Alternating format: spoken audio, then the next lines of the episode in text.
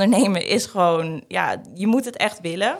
Ehm, het is heel waardevol, maar ja, als je een partner naast je hebt, is, is, zijn de klappen misschien wat ehm, minder hard, omdat je nog een ander inkomen hebt. Dus als je Mhm. er niet naast werkt terwijl je alleenstaand bent, ja, dan is het heel spannend. Ja, ja, precies. En dan zijn er misschien in het begin dus ook wel eens maanden waarbij je denkt, hmm, Zeker.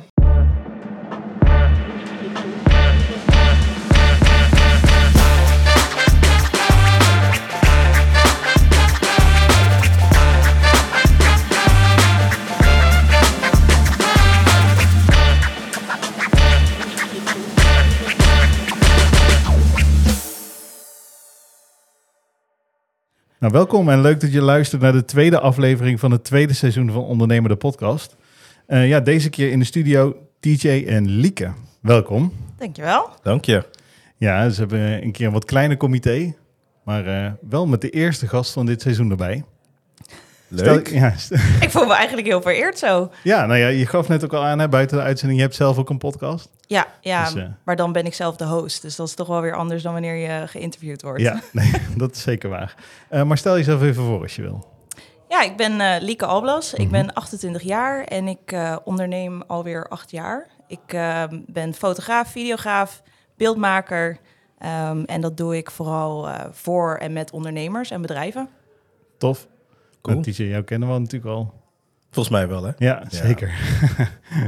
Ehm, ja, heb je ooit wel eens een aflevering gehoord van deze podcast? Ik heb wel fragmenten gehoord, Oh, maar kijk, ik moet zo. heel eerlijk bekennen dat ik hem niet helemaal geluisterd Ah, heb. nee, dat is geen probleem. Mwah, mwah, Oh, nee. die er tussendoor moeten gooien. Ehm, nou, we starten iedere podcast met eh, supersnelle stellingen. Eh, dus ja, dan krijg je een, stel- een stelling voorgeschoteld. Kun je aangeven of je daar eens of oneens mee bent. En later kunnen we eventueel nog doorpraten over een van die stellingen. Eh, en omdat jij de gast bent, gaan we bij jou beginnen. Oké.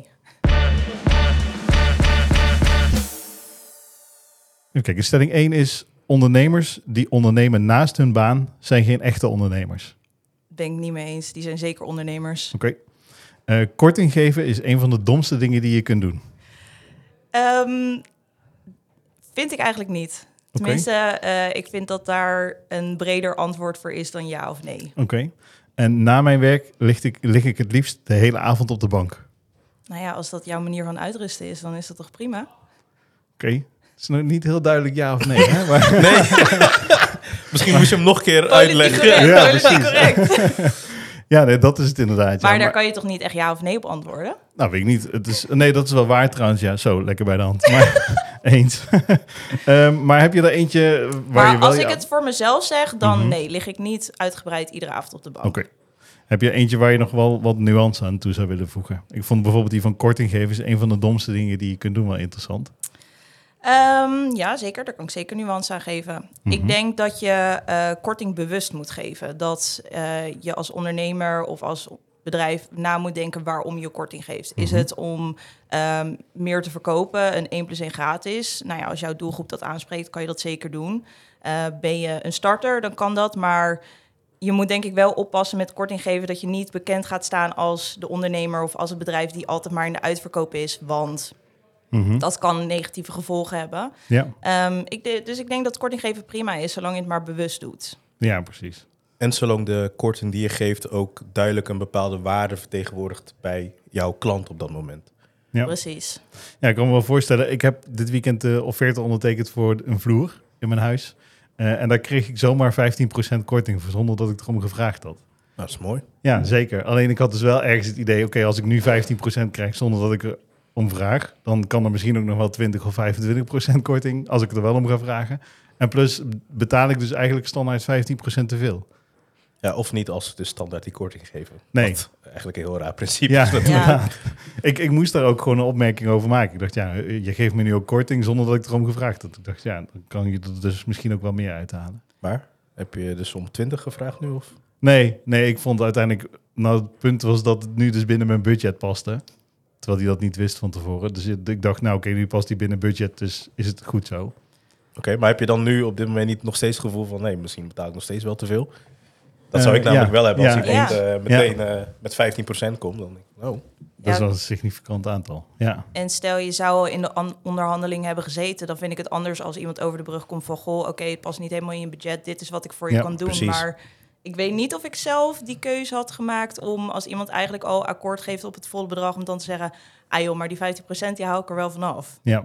Nee, eens. Tenminste, ja, want bij dus jou roept het nu ook meteen twijfel op. Ja, van, klopt. Oh, eh, is de kwaliteit dan goed of wordt er dan wel geleverd wat ze misschien beloofd hebben? Ja. ja, en het was inderdaad gewoon letterlijk telefonisch. Ik kreeg een telefoontje met, joh, ik heb de berekening gemaakt en dit is het. En er gaat 15% korting af, dus is het dit. Ja, nou Ja, beetje hey, apart. het is mooi meegenomen. Zeker, bedoel, eh, zeker. Ja, ze zijn allemaal consument. Ja, daarom. Nee, maar het is wel meteen mooi hè, wat het dan creëert. Want ik weet niet wat de gedachte, eh, de gedachte erachter is om die korting te geven. Hè. Misschien is dat wel goed toegelicht. Mhm. Maar het creëert meteen van, oh, hoezo, waarom? Eh, Ja. betaal ik te veel of betaal ik, zou ik anders genaaid worden als, als, als je dit nu niet had gedaan? Dus Ja, precies. Terwijl die ondernemer misschien dacht, oh, dan doe ik even, geef ik hem een leuk cadeautje. Ja, misschien ook om jou weer een beetje te paaien. Dat jij eh, misschien hem weer aanraadt aan bekenden. Ja, of precies. Wat dan, Maar ja, ook. dan moet dat inderdaad een soort van... precies, maar dan moet dat het verhaal erbij Ja. zijn. Ja. Dan, dan heeft het een bepaalde waarde en dan kun je het ook verantwoorden. ja. Ja. Eens. maar korting zonder reden is inderdaad wel een, eh, een flinke curveball misschien. Ja, snap ik. Oké, TJ, dan eh, gaan we door met die van jou. Yes. Ehm, even kijken. De overheid zou alle bedrijven moeten verplichten om hun medewerkers aan maandelijkse gezondheidsevaluaties deel te laten nemen. Oneens. Ehm, even kijken. Als je niet fysiek op locatie komt bij de klant, dan bouw je nooit een goede relatie op. Eens. En anonimiteit op internet zou moeten worden afgeschaft. Eens. Oké. Welke zou jij eh, willen toelichten? Nou, dan toch die laatste. Mhm. Dus anonimiteit op internet zou moeten worden afgeschaft. Ja, weet je, mensen doen zoveel shit op internet. Mhm. onder het mom van anonimiteit en zich kunnen verschuilen achter. Dat ik denk dat we een hele hoop discussies en gedrag, pestgedrag en noem het allemaal maar op, eh, wat plaatsvindt op, eh, op internet, wat online plaatsvindt, dat we dat meteen, eh, meteen weg kunnen vegen. Ja. Eh, omdat mensen dan in één keer accountable, eh, eh, hoe zeg je dat? Eh, zo- verantwoordelijk Ja, kunnen ja. worden gehouden Ja. voor hetgene wat ze doen. ja, je bent gewoon geverifieerd, bij wijze van net zoals dat je bij de bank geverifieerd bent Precies, bij je internetprovider. Oké, maar nu ben ik wel benieuwd van... ehm, heb jij jouw Instagram-account openstaan? Nee, Van, hoe denk je daar dan over? Want dat is denk ik ook een bewuste keuze geweest. Zeker, maar die twee staan wat mij betreft los van elkaar. Want je kan geïdentificeerd zijn, maar dan nog je zaken privé willen houden. Ja, ja. Ehm, en dat, dat is een keuze. Ja, niet iedereen. Ik, ik post af en toe bijvoorbeeld een eh, fotootje van mijn dochter. Ja, ik weet niet wat voor viespeuken er zeg maar allemaal aan het meekijken zijn. Hè? Dus ja. even vanuit Instagram Mhm. gedachte eh, heb ik het eh, inderdaad eh, afgeschermd en bepaal ik zelf wie de toegang heeft. Alleen als ik, eh, als ik vervolgens ergens op ga reageren, Mhm. zie je wel gewoon mijn naam staan. ja, ja. En op het moment dat eh, ik ook daadwerkelijk nog geverifieerd zou zijn, dan weet, ik, dan weet iedereen. ik kan misschien niet eh, de inhoud zien van wat ik persoonlijk doe, maar alles wat ik naar de buitenwereld spuw en spouw of, of naar iemand zou DM'en, dat is gewoon gekoppeld aan mij als persoon. En nogmaals, dan kun je daar verantwoordelijk voor worden gehouden. Ja, Ja. nee, maar dat ben ik zeker met je eens hoor. Maar ik was, ik was nieuwsgierig. Mooi. Nou ja, heb je zelf nog een, eh, een supersnelle stelling die je zou willen terughoren in deze podcast? Dat kan. En stuur dan een mailtje naar marketing.foxter.nl en wie weet hoor je jouw stelling in een van de volgende afleveringen terug. Ja, en dan gaan we door naar het onderwerp van deze week en dat is ZZP-schap.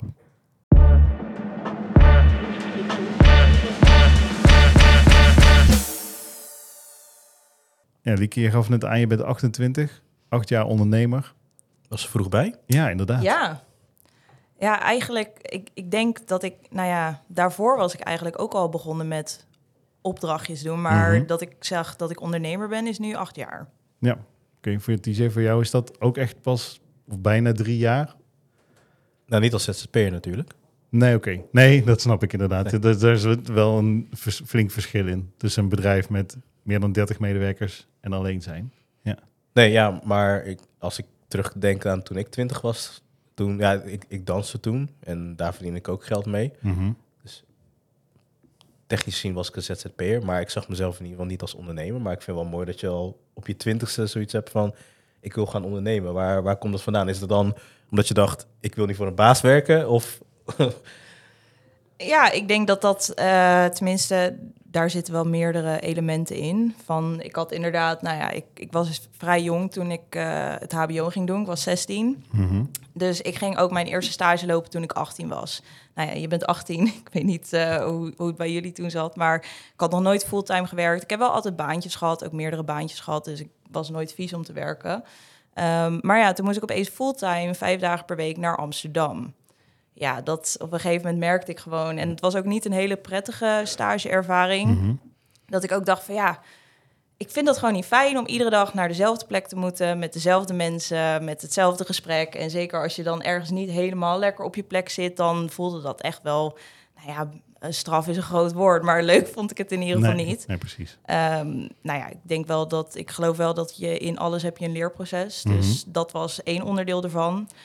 Eh, en daarnaast, ik stuurde, studeerde af toen er eigenlijk gewoon nog crisis was. Dus zeker in de creatieve industrie was er gewoon ja, bij bedrijven eigenlijk amper werk te vinden. Of je moest tien jaar ervaring hebben, super sterk portfolio. Ja, en young Ehm, professional, hè? Dus starten met tien jaar ervaring, dat zou het Ja. beste zijn. Ja, Ja, precies. Dus eh, eigenlijk op de basisschool begin je al met Ja, werken. eigenlijk wel. Ja, logisch ook, dan kun je hele mooie dingen doen. Precies, ja, want je weet ook alles van de Ja, wereld. zeker. Nee, dus de, de, ja, ik had wel sollicitaties, maar Mhm. ik kwam dan niet verder dan de laatste drie. Of eh, omdat er toch altijd wel weer iets was eh, wat er afketste. Ja, Nou ja, dan heel cliché, relatie ging op een gegeven moment uit. En ik fotografeerde dus al wel, ik freelancede ook wel hier en daar. Maar ik had nog steeds wel zoiets van, ja, ik wil eerst gewoon bij een bedrijf gaan werken. Mhm. Want ja, ik moet ergens werkervaring opdoen. En wie Ja. neemt mij serieus als 20-jarige eh, die zegt, ja, ik ben ondernemer. We zijn nu ook natuurlijk alweer iets verder. De- Maar ja, toen was dat nog best wel een beetje, dat mensen zeiden, ja, ondernemen. ja het Ga is je, een soort van hobby. mm, Ja, oké, als fotograaf is er geld in te verdienen. ja, ja. Instagram stond toen ook echt nog in de kinderschoenen. Dus Mhm. eigenlijk ben ik daarin meegegroeid. Eh, omdat ik ook merkte van, hé, hey, het begint een beetje te veranderen. Je hoeft niet meer als fotograaf bijvoorbeeld aangesloten te zijn bij een persbureau of eh, bij een, eh, een, een talent agency of wat Mhm. dan ook. Nou ja, weet je wel, van op een gegeven moment ging ik, dacht ik van, nou, ik waag nu gewoon de sprong. Ik heb niks te verliezen. Ik woon bij mijn ouders. Ik ben daarnaast in de horeca gaan werken. En nou ja. we zien het wel wat er gebeurt. Vandaar die Ehm. stelling van jou net ook. Sorry, kriebeltje in mijn keel. Ja. Eh, ik, ik zei vandaar die stelling net ook eh, dat je zei, eh, Ja. je bent wel ondernemer als je ook nog een andere baan hebt. 100% want ja, je, ik weet niet, ja, bij jullie is misschien de groei sneller geweest, maar ik, het cliché van je hebt vijf jaar nodig om een wat stabieler eh, inkomen op te bouwen, ik, dat Mhm. is wel echt waar. Mhm. Want natuurlijk heb je daarvoor wel, maar ja, je moet gewoon je naamsbekendheid opbouwen, je moet ervaring opdoen, eh, je moet heel vaak onderuit gaan en weer opstaan. En ik denk dat vijf jaar dat wel heel, dat dat een gezonde tijd is om dat te doen. ja. Ehm, en ik denk ook niet dat het realistisch is om daarnaast niet een vaste basis voor jezelf te willen. Zeker als je geen partner hebt die naast je staat. Mhm. ja precies. Ondernemen is gewoon, ja, je moet het echt willen. Ehm, het is heel waardevol, maar ja, als je een partner naast je hebt, is, is, zijn de klappen misschien wat ehm, minder hard, omdat je nog een ander inkomen hebt. Dus als Mhm. je er niet naast werkt terwijl je alleenstaand bent, ja, dan is het heel spannend. Ja, ja, precies. En dan zijn er misschien in het begin dus ook wel eens maanden waarbij je denkt, hmm, Zeker. ja, deze eindigt rood in plaats van zwart. Ja. Ja, ja, ik heb Ja. vaak genoeg in mijn bed gelegen midden in de nacht dat ik dacht, oh, ga ik nu mijn huur betalen? Of eh, nou ja, dat je inderdaad, eh, dat ik op een gegeven moment stopte in de horeca en dat ik dacht, oké, nou, we gaan het nu wagen. Mhm. Nou ja, je hebt altijd een paar maanden dat het minder druk is. Ja, oh, ja, dat klopt. wat ga je dan doen? Ja, en dan maar hopen dat je een buffertje hebt en dat soort zaken. Of iemand die je daar inderdaad goed in kan adviseren. Dat is Ja. natuurlijk ook, ja. Ja, zeker. Grappig, ja. Ik zit me nu te bedenken, toen ik in 2008 nog op school zat, toen heb ik mezelf dus voor mijn stagebedrijf ook in moeten schrijven bij de Kamer van Koophandel, Mhm. zodat ik een factuur kon sturen in plaats van een loonstrook ontving. Dat was inderdaad mijn eerste stap naar ZZP-schap in 2008, ja, dus dat is ook wel een serieuze tijd geleden. Toen ben ik op een gegeven moment gewoon begonnen in het maken en repareren van computers. Mhm. Eh, en ja, dus inderdaad ook zodoende door eh, schade en schande wijs geworden, ja. Toch is het wel heel mooi, hè? Want je hebt gewoon echt ook alle vrijheid en een soort van ultieme drang of zo om er gewoon altijd het maximale uit te halen. Ja, want eigenlijk ieder uurtje dat je erin steekt, dat zie je terug. Ja. Al is het in ervaring of letterlijk een factuur eh, nou ja, die betaald wordt. Ja, precies. Ehm, en dat is heel fijn, maar het is ook wel een valkuil. Want het kan er ook in resulteren dat je eigenlijk gewoon zeven dagen per week aan het werk bent en jezelf helemaal voorbij loopt, omdat je eigenlijk maar wil blijven gaan. Ja, precies. En of misschien niet de juiste kennis in huis hebt. Hoe, hoe was het met jouw eerste BTW-aangifte? Ehm, ja, de eerste BTW-aangifte die deed ik toen nog zelf, inderdaad. Ja, op zich, eh, tenminste, um, doordat ik niemand in dienst heb, is het best wel redelijk recht toe recht aan. Want je hebt mhm. gewoon je inkomen, je hebt 21% BTW, volgens mij was het toen nog 19%. Ja, ja. Ehm, en je hebt de kosten die je hebt. Nou ja, op mhm. zich als fotograaf heb je best wel wat kosten die je maakt. Op gebied van apparatuur, um, nou ja, of wat dan ook. Dus dat was wel redelijk recht toe recht aan. Maar inderdaad, op een gegeven moment, nou, dan ga je een beetje groeien. En toen kreeg ik de brief van de Belastingdienst van... Uh, sorry, we willen je toch even controleren... want volgens mij gaat het niet helemaal goed. Ja. En op dat moment is iemand uh, het voor mij gaan doen. Ja. Want toen dacht ik, oeh, dit wordt een beetje spannend. Zo herkenbaar ook, ja. Ik kreeg toen echt ook iets van 1300 euro zo die ik terug moest betalen. Ja. Dus ik dacht, oh, je moet het bedrag, het btw-bedrag aangeven. Of niet het totaal inclusief btw. Ja, je doet maar wat, weet je wel. Dus ja, je hebt ook echt geen idee. Nee, nee, precies. En TJ, voor jou is dat natuurlijk anders. Je hebt gelijk met vier mensen begonnen. Ja, klopt. En, en eigenlijk ook op een stuk oudere leeftijd, zeg maar. Dus het is niet jouw eerste baan.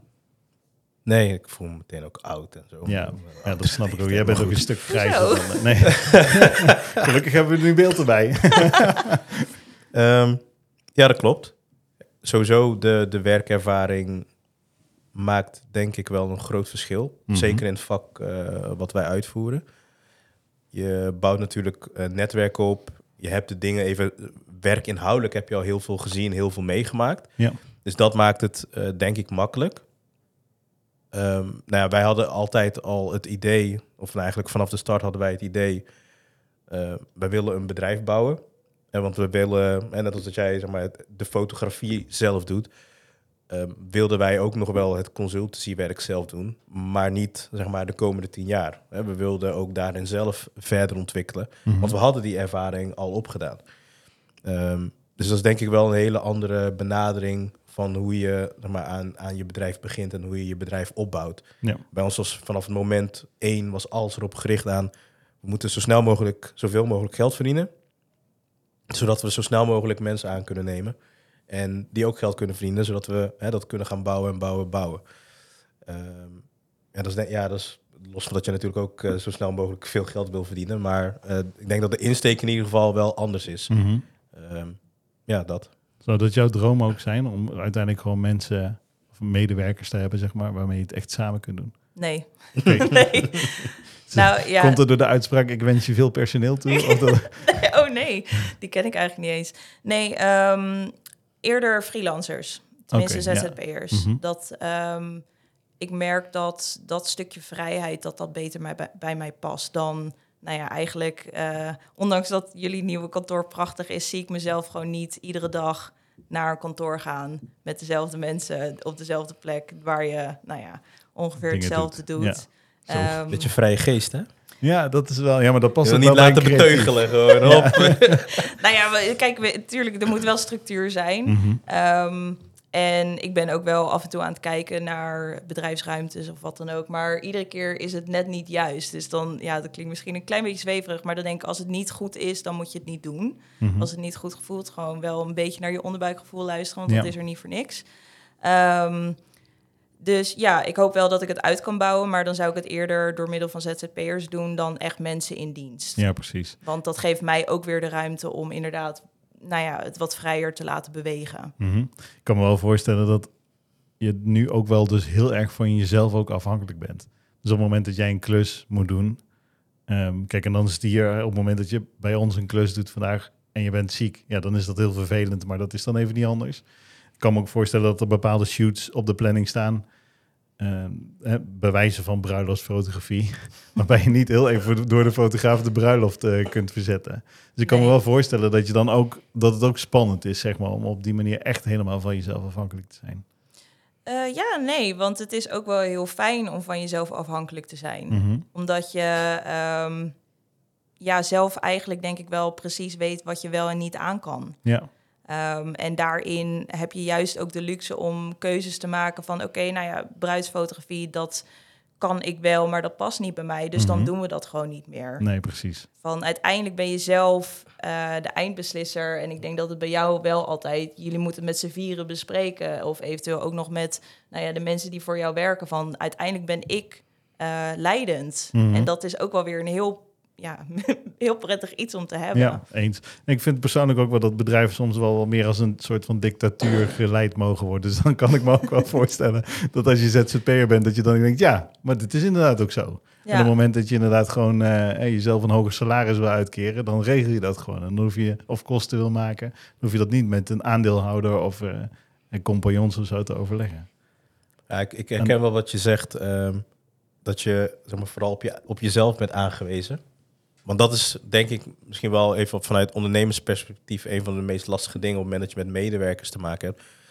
Is dat hè, ik werk op een bepaalde manier, ik heb een bepaalde drive, ik kijk op een bepaalde manier naar de wereld. Ja, en ik kan niet verwachten dat iedereen dat ook op dezelfde manier heeft. Alleen automatisch doe je dat wel. Hè? Dus, en als iemand dan eh, zeg maar, afwijkt daarvan, dan, dan vind je daar wat van. En daar, dat is echt wel zeg maar, iets waar je, moet, waar je mee moet leren omgaan op het moment dat je medewerkt. Zeker naarmate je groeit, ehm, krijg je dus een grotere variëteit. Nou ja, we, we, we besteden ook aandacht aan diversiteit, maar dat maakt het daarmee eigenlijk nog complexer. Hè? Ja. Nog andere Ja. gewoontes en normen en waarden, en noem het allemaal op. Eh, dus dat is, ja, wat dat betreft, het, dat, dat zou zeg maar even in het ZZP-schap wel een, een stuk gemakkelijker zijn, eh, geloof ik wel. Mhm. Is het wel voor jou eh, misschien een keer bijna een soort van showstopper of zo geweest? Dat je denkt van, hé, maar ik vind het nu echt vervelend. Of had ik dit maar alleen gedaan, want dan had ik tenminste... Nou, nee, uiteindelijk wegen de voordelen en de doelen die we op lange termijn willen halen veel zwaarder dan af en toe dat je in zo'n frustrerend momentje zit. Ehm, want uiteindelijk, wat ik wil bereiken, dat, da- daar heb je gewoon voor nodig dat je een organisatie bouwt. Ja, En, en ja, dat, dat, zeg maar, mijn persoonlijke doelen kan ik niet halen als ZZP'er. wat zijn die dan? Die. Ehm nou ja, bijvoorbeeld ehm, in mijn, in mijn, zeg maar, tijdsbesteding, mijn dagbesteding. Ik vind, het, ik vind het heel leuk om een soort van, nou, ik ben niet, misschien niet zweverig, maar eh, dromerig, zeg maar, Mhm. over, hey, ik, ik, ik wil, zeg maar, ik, ik zie iets voor me en dat wil ik creëren. ja, Ehm, en dat, daar zit een stuk strategie bijvoorbeeld bij. Ja, eh, maar als, als ZZP'er kun je niet eh, twee, drie dagen in de week gaan eh, brainstormen over je, over je strategie bijvoorbeeld. En, en daar zeg maar dingen uitlijnen, over uitlijnen. Nou, misschien... Eh, Ben ja, ik kan- eigenlijk niet helemaal met je eens. Oeh, Nee, mooi. ja. Nee. Nee, oké. Nou. Nee, want ik denk juist dat je als ZZP'er van eh, de vrijheid hebt om juist dat soort dingen te doen. Het is ook maar weer net van, is een ZZP'er iemand die puur en alleen een dienst uitvoert? Of Mhm. uitvoert? Of ehm, ja, van is een ZZP'er ook wel in staat om iets te laten groeien of iets groter te maken dan zichzelf? Want dat is natuurlijk ook wel weer een stukje perspectief van wat is volgens jullie een ZZP'er? Ja, nou ja, misschien had ik En- inderdaad heel erg even vanuit ons perspectief. Hè. Eh, dus dan heb je bijvoorbeeld een, eh, een consultant die als ZZP'er gaat werken. Ja, hoe je het wet of keer, zeg maar, de meeste consultants die ons werk doen, ja, die zijn gewoon eh, zeg maar, tussen de 150 en 200 dagen facturabel. Ja. Ehm, ja, hoeveel tijd blijft er dan nog over? En, en dan nog, ja, wat, wat wordt dan zeg maar, jouw persoonlijke strategie? Ook, ook daar. Ja, zou het dan inderdaad niet gewoon in het begin al voldoende zijn? Hè? Want je zegt tussen 150 en 200 dagen facturabel. Nou, gezien de tarieven zou je dus 150 tot 200.000 euro omzet kunnen draaien. Ja, dat is denk ik niet gek. Nee, ja, dat is, dan is het best wel interessant om gewoon even per jaar twee ton binnen te tikken. Maar ja, uiteindelijk haalt het, het houdt wel een keer op, zeg maar. Hè, dat, je moet ook nadenken over hoe je onderscheidend blijft ten opzichte van je heel erg veel concurrenten. Ja, maar Ja. kijk, ergens, het, het is ook niet, eh, wat in ieder geval wat mij betreft, niet een waardeoordeel. Want als jij gewoon het consultievak bij wijze van spreken, hè, of Mhm. jij, eh, jij doet meer, hè, maar stel, je zou alleen maar willen fotograferen en je bent daar gelukkig mee voor eh, de rest van je leven. Nou, dan, dan is denk ik eh, een ZZP-rol perfect. Ja, Want dan heb je inderdaad Ja. en de vrijheid. eh, je kunt, eh, nou, als het goed is, ook nog wat meer verdienen dan dat je in loondienst bent. Eh, nou, volgens mij is dat win-win. Maar als je zeg maar iets anders wil gaan doen, dan lijkt dat mij in ieder geval lastiger ehm, als je zo'n eh, een, rol hebt waarbij je ja, daadwerkelijk ook zeg maar output moet leveren. Mhm. ja, Ja. zeker. Of is dat eigenlijk dan gewoon het verschil tussen misschien dat je op een gegeven moment van ZZP'er naar ondernemer gaat? Dat zou kunnen. Misschien is dat dan het verschil. Ja, dat, dat zou kunnen, ja. Van dat je, tenminste als fotograaf, eh, is er ook heel veel concurrentie. Mhm. Eh, ik bedoel, voor mij zijn er nou ja, waarschijnlijk nog twintig anderen. Je moet je natuurlijk op een gegeven moment ook wel onmisbaar maken. Ehm, maar is dat misschien van, ik weet niet, hè, dit is gewoon eh, Mhm. van, ben je als ZZP'er dan alleen iemand die puur en alleen misschien de dienst uitvoert en dat gewoon in herhaling blijft doen? En wanneer maak je dan de stap naar ondernemer? Is dat als je op een gegeven moment visie hebt, strategie, eh, misschien bepaalde doelen hebt waar je naartoe wilt werken, ondanks of je dat alleen doet of niet? Mhm. Is dat dan het verschil? Nou ja, dat, dat zou wat mij betreft al wel een verschil maken, ja. Ja. Wat zijn, wat zijn jouw dromen dan, Lieke? Oeh. Ehm, ik zeg altijd, ik wil alles kunnen doen wat ik wil. Mhm. En dat Mooi. is heel abstract. Ja. Ehm, Oh, nu wordt het echt zo'n eh, Gen Z-achtige podcast. Financieel onafhankelijk, passief inkomen. Ja. Dat is die woorden ook gewoon even allemaal noemen. oh nee, maar ik ben wel realistisch. Ja, dat, oké, dat, is ja. wel, dat, dat kan ik zeker zeggen. Eh, ik denk dat er een goede balans moet zijn tussen eh, inderdaad dromen en realistisch zijn. Want Ja. nou ja, anders eh, ja, is er gewoon geen omzet, denk ik. Nee, precies. Ehm, Maar over 50, ju- even over 50 jaar, zeg maar over 40 jaar, wanneer je bent ZZP'er, weinig pensioen opbouwen. Over 50 jaar kunnen we je dan nog steeds inhuren of ben je dan iets anders aan het doen? Nee, ik denk niet dat ik over eh, dat ik dan nog echt, echt aan het fotograferen ben op de manier zoals ik nu doe. Mhm. Ik denk dat ik uiteindelijk ehm, wil doorgroeien naar een soort mentorschap. Ja, Ehm, ik geloof ook heel erg dat er eh, nou ja, een gat is tussen eh, als je van een creatieve opleiding afkomt en nou ja, de stap gaat maken van oké, ik ga het werkveld in, maar Mhm. je portfolio is eigenlijk nog niet sterk genoeg, want je hebt puur en alleen opdrachten gedaan die je op school hebt gedaan, Eh, maar je hebt eigenlijk nog niet genoeg ervaring en middelen om jezelf in een nou ja, sector of in de markt te Mhm. zetten. Ehm, en ik zelf, toen ik dus nou ja, als 20-jarige daar zat, dacht ik, ja, waar moet ik beginnen? ja. Dus ehm, ik denk dat het eerder die kant op gaat. Oké. Ik, ben, ik ben gewoon eens even nieuwsgierig. Hè? Drie jaar geleden, toen is Fox natuurlijk opgericht. Mhm. En toen had je TJ op een gegeven moment een fotograaf nodig. Ja? Hoe ben je eigenlijk bij Lieke terechtgekomen? Google? Oké. Ja, gewoon gegoogeld. En we zaten toen in Reewijk, dus we hadden gewoon in de omgeving Reewijk. En, Fotograaf Reewijk Enter. Ja. Bij Lieke kwam toen naar Ja. boven. ja, inderdaad. Inmiddels een stockable. Hè? Ja, ja. Rebranding. ja Upgrade ook hoor. Zeker. Ik zal, nog, Maar- ik zal nog even te denken, wat voor mij ook nog wel een groot verschil is, is ehm, dat ik graag zou willen dat het bedrijf onafhankelijk wordt van mij Mhm. en van mijn tijdsbesteding. Ja. En dat is voor mij nog wel ook een belangrijk ten opzichte van ZZP-schap. Daar zul je altijd dus zelf zeg maar de grootste factor, de drijvende, eh, drijvende kracht achter het bedrijf zijn en blijven. Ja.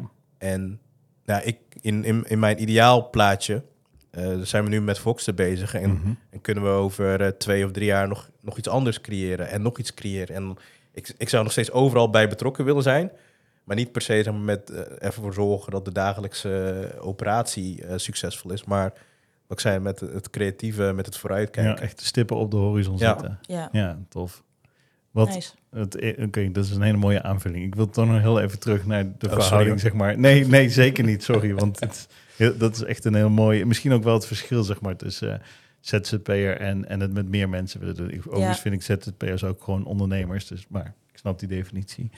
En wat, wat is, TJ, voor jou... ehm, wat doet Lieke daaraan, zeg maar, om, om die klantenbinding goed te houden? Want eh, ze geeft inderdaad ook aan... Het is nu niet de, de veren, veren voor Lieke podcast, maar Ah, jammer. Er zijn, er zijn wel eh, inderdaad, nou jij gaf aan 20 concurrenten. Ik denk dat het misschien wel 20.000 concurrenten Ja. zijn. Eh, en plus iedereen die zelf een iPhone heeft of een spiegelreflexcamera, die denkt, oh, ik kan ook fotograferen. Wat, wat is de reden voor jou om nog steeds Lieke in te blijven eh, huren? Goeie vraag, zeg. Ik denk, nou ja, voor mij, voor mij is er gewoon een goede vibe, goede klik. Zij is er vanaf, eh, nou, ja, nou ja, niet dag één, maar volgens mij eh, drie maanden na onze start Mhm. eh, liep, je, liep je voor het eerst bij ons rond.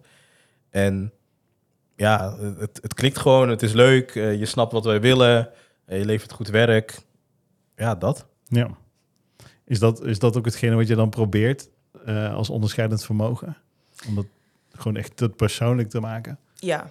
Ja, uiteindelijk, eh tuurlijk, het werk is heel belangrijk wat iemand levert, maar Mhm. je werkt uiteindelijk nog steeds met een persoon. Ja. En Ehm, daarin probeer ik eigenlijk zoveel mogelijk mezelf te zijn. Mhm. Want eh, ik heb ook echt wel in situaties gewerkt dat je misschien net niet helemaal klikte. Of dat ik eigenlijk eh, een soort hele zakelijke versie van mezelf moest Ja. zijn. En dat ik me daar gewoon niet comfortabel bij voelde. Omdat je op die manier ook niet, ja, misschien voor een bepaalde periode. Maar uiteindelijk val je toch wel door de mand. Ja, maar ja, het is wel, het is wel handel, even flauw gezegd. Hè? Dus ja, je kunt het ook niet doen, maar dan verdien je ook even niks. Ja, maar uiteindelijk eh, handel en gewoon persoonlijk contact met iemand hebben zoals jezelf. Ik denk dat dat niet los van elkaar hoeft te bestaan. Ik denk dat dat heel goed samen kan. Mhm. Zeker in deze tijd met zoveel concurrentie. Ja. Van ehm, ja, als jij hier iemand over de vloer hebt die je echt gewoon niet relaxed vindt, ja, dan boek je die toch niet nog een keer. Nee, precies. Maar andersom kan ik me dus ook wel voorstellen dat je dan zelf ook... Het is gewoon moeilijk toch om die keuze te maken. Zeker. Dus Ja. ja, oké, dan maar even niet die... En 1000 als een euro klant nou super fan is van jou, maar jij denkt van, ach, moet ik daar weer naartoe? Begin Zou je daar nou dan- niet over, dan hebben we volgende maand geen fotograaf meer. nee, maar dat is een goede vraag. ja. Maar, en, het is, en het levert toch gewoon even serieuze omzet op. Hè? Dus stel, eh, eh, je, kan per keer eh 5000 euro verdienen. Mhm. Elke keer dat je naar komt. Maar elke keer ga je met uh, lood in schoenen naartoe. Zou je dan zeggen, ik doe het niet meer? Ehm, als ik een En opdracht... zij zijn heel Ja? blij en tevreden over jou. Ja, ja, ja. Als ik een opdracht krijg, dan toets ik het eigenlijk altijd. Nou, ik denk aan drie dingen. Dat is, nou ja, heel plat gezegd, wat schuift het? Ehm, met wie werk ik en wat brengt het in de toekomst? Mhm. Dus, eh, nou ja, stel, eh, ik, het brengt niet per se iets in de, in de toekomst, maar ik vind de mensen leuk met wie ik werk en het verdient lekker. Nou ja, dan vind ik dat genoeg reden om daarmee door te gaan. En zo probeer ik iedere keer wel kritisch te blijven, want ik heb uiteindelijk eh, vijf dagen in de week. Tuurlijk kan je meer werken, maar ik vind vijf dagen gewoon een prima werkweek. Mhm. Ehm, ja, je, je moet het gaan verdelen. En uiteindelijk, ehm, ik heb op een gegeven moment wel een keer afscheid genomen van een opdrachtgever die ik heel leuk en lief vond. Maar wat ik maakte, daarvan dacht ik, ja, de uitdaging is weg. Ik vind het niet meer leuk. Eh, ik merk gewoon dat ik hier niet helemaal, dat ik bijvoorbeeld het werk uitstel. Ehm, nou ja, dat, dat ik niet meer kan leveren wat ik eigenlijk zou willen. Dan denk ik dat het gewoon fair is vanuit mij om dan te zeggen van joh, ik denk dat we uit elkaar moeten gaan. Mhm. Ja, En in zo'n geval, kijk, want in ons geval zou je dan zeggen, hè, ik bijvoorbeeld, ik heb geen klik met die klant, maar we hebben nog tien andere consultants eh, die eh, wellicht wel passen. Heb jij dan niet een ZZP'er, eh fotograaf bij wijze van spreken, waar je zegt, hey, deze, eh, deze klant is op zoek naar, eh, dit kan je leveren en weet je wat, ik pak daar nog bijvoorbeeld een percentage over. Ja, daar ben ik nu wel naartoe aan het werken. Van, eh, ik heb dan inderdaad Unstackable. Dat is dan voor alle ondernemers van allemaal verschillende soorten bedrijven. Mhm. Maar dan heb ik Fotosint en dat is dan voor de tuinbouw, dus met kwekers.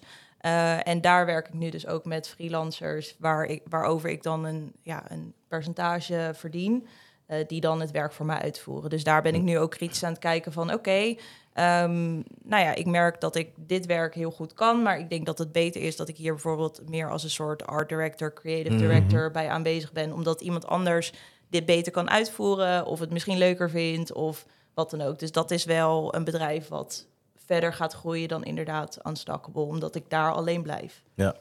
Oh, wel tof. Ja, ja. Wat is de grote, belangrijkste les eigenlijk die je een ander zou mee willen geven of zelf geleerd hebt als ZZP'er? Ehm, luister naar je onderbuikgevoel. Mhm. Als het niet goed is, dan zal dat met een reden zijn. Ehm, werk in het begin hard. Doe heel veel en zorg dat je vanuit daar gaat specialiseren. Ehm, en wat nog meer? Geef je grenzen aan.